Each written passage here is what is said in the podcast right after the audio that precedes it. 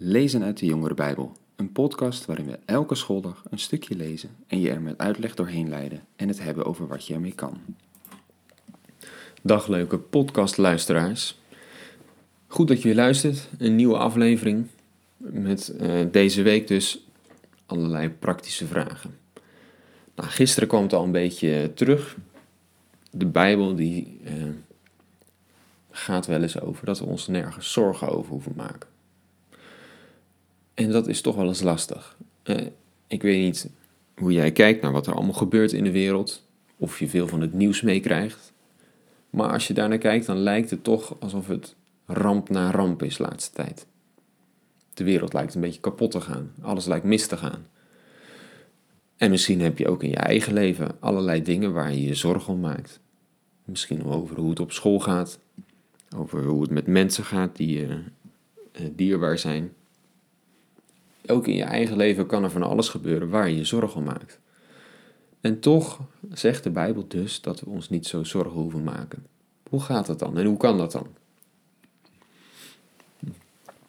Ik wilde daarvoor een stukje met jullie lezen. Een verhaal, of eigenlijk aanwijzingen die Jezus geeft in een van zijn toespraken. En die zijn te vinden in Matthäus, hoofdstuk 6. En ik ga met jullie lezen vanaf vers 25. Daar zegt Jezus: Ik zeg jullie, maak je geen zorgen over je leven, over wat je zult eten of drinken, noch over je lichaam, over wat je zult aantrekken. Is het leven niet meer dan voedsel en het lichaam niet meer dan kleding? Kijk naar de vogels in de lucht. Ze zaaien niet en oogsten niet en willen geen voorraad schuren. Het is jullie hemelse Vader die ze voedt. Zijn u niet meer waard dan zij? En wat maken jullie je zorgen over kleding? Kijk eens naar de lelies, over hoe ze groeien in het veld. Ze werken niet en weven niet. Ik zeg jullie, zelfs Salomo in al zijn luister was niet gekleed als een van hen. Als God het groen dat vandaag nog in het veld staat en morgen in de oven gegooid wordt, al met zoveel zorg kleedt, hoeveel meer zorg zal Hij jullie dan niet kleden, kleingelovigen? Vraag je dus niet bezorgd af, wat zullen we eten? Of wat zullen we drinken? Of waar zullen we ons mee kleden? Dat zijn allemaal dingen die de heidenen najagen. Jullie hemelse vader weet wel dat jullie dat alles nodig hebben. Zoek liever eerst het koninkrijk van God en zijn gerechtigheid. Dan zullen al die andere dingen je erbij gegeven worden. Maak je dus geen zorgen over de dag van morgen, want de dag van morgen zorgt wel voor zichzelf. Elke dag heeft genoeg aan zijn eigen kwaad. Ja, in een ander stukje, daar uh, trekt uh, Jezus het nog iets algemener. En dan zegt hij zelfs: Kun je door je druk te maken ook maar één elm, ongeveer een halve meter, aan je lengte toevoegen? Nee, dat is natuurlijk absurd, dat kan niet. Maar dat is natuurlijk wel een sprekend voorbeeld. druk maken, lost dat nou echt iets op?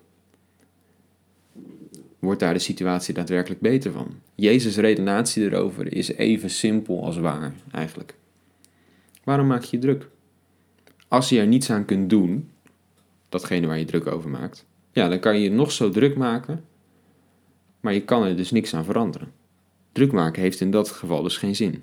En als je er wel wat aan kunt doen, ja, dan hoef je dus eigenlijk ook niet druk over te maken. En als het gaat over nou ja, hier gaat het over de simpele dingen: het eten, drinken en kleden. Algemeen als het gaat om wat je nodig hebt. God weet toch wat je nodig hebt? Hij zorgt toch voor je? Waarom maak je je er dan druk over dat je misschien tekort zal komen of dingen niet zal hebben? En waarom maken we ons druk over dingen in de toekomst? Jezus zegt ja, dat heeft helemaal geen zin. Wat heb je daaraan? Bekijk gewoon elke dag wat je kan doen. En waar je wel iets aan kan doen. Doe dat. En morgen komt wel. Ja, eigenlijk een hele simpele, heerlijke manier om te leven, toch? Als je zo in het leven kan staan. Niet druk maken. Ach, dat komt wel. Betekent natuurlijk niet dat je niet moet nadenken over dingen die verder in de toekomst liggen. Dat je moet zorgen voor bepaalde dingen. Maar je druk maken is natuurlijk wat anders. Het is vaak helemaal niet onze, al onze energie en aandacht waard. Dat we lopen te piekeren over wat er allemaal gebeurt en wat er in ons leven allemaal speelt. Als je gewoon van dag tot dag bekijkt, dan lukt het meestal ook wel. Ja, kijk, als je niet gelooft, tuurlijk, dan heb je meer reden om je druk te maken. Want dan is er geen God die uiteindelijk ervoor zorgt dat alles goed komt. Dan, kan echt, dan kunnen echt dingen helemaal fout gaan. Maar wij, wij geloven wel in een God. Een God die alles in zijn handen heeft, zoals wij dat vaak zeggen. En ja, als je daar dan even over nadenkt, dan hoef je dus inderdaad echt nergens zorgen over te maken. In een brief aan de Romeinen schrijft Paulus in hoofdstuk 8, vers 28 daar nog over dat alles wat er gebeurt voor ons meewerkt tot het goede. Wat je ook meemaakt, ook als het even niet lekker lijkt te lopen, Paulus zegt uiteindelijk draagt dat dus bij aan het, uh, aan het goede, aan dat het goed afloopt. Ook al zien we dat misschien nog niet vandaag. Nou, als dat zo is, ja, dan hoef je je inderdaad echt helemaal nergens zorgen over te maken. Wat kan je gebeuren? Wat kan iemand je aandoen? God is toch met ons? Hij weet wat we nodig hebben, hij zorgt voor ons en hij zorgt ervoor dat uiteindelijk, wat er ook gebeurt, het goed komt. Nou, het klinkt heel simpel, maar als je zo denkt, echt, dan hoef je inderdaad echt nergens zorgen over te maken. Hij is groter dan elk probleem wat we kunnen tegenkomen. En dat vind ik ook altijd een mooie spreuk. Vertel niet alleen God hoe groot je probleem is, vertel je probleem hoe groot God is. Nou, dat is misschien moeilijk, hè? want dan nog denk je, ja, maar er speelt van alles. En hoe wordt dat dan opgelost? Eigenlijk is het een stukje loslaten. Om dat aan God over te laten en op God te vertrouwen dat Hij wel weet hoe dat gaat lopen. Denk er maar eens over na. Als het zo zit, dan hoef je je inderdaad echt nergens zorgen over te maken. En dat zou mooi zijn. Meer genoeg voor vandaag. Morgen gaan we verder. Tot dan.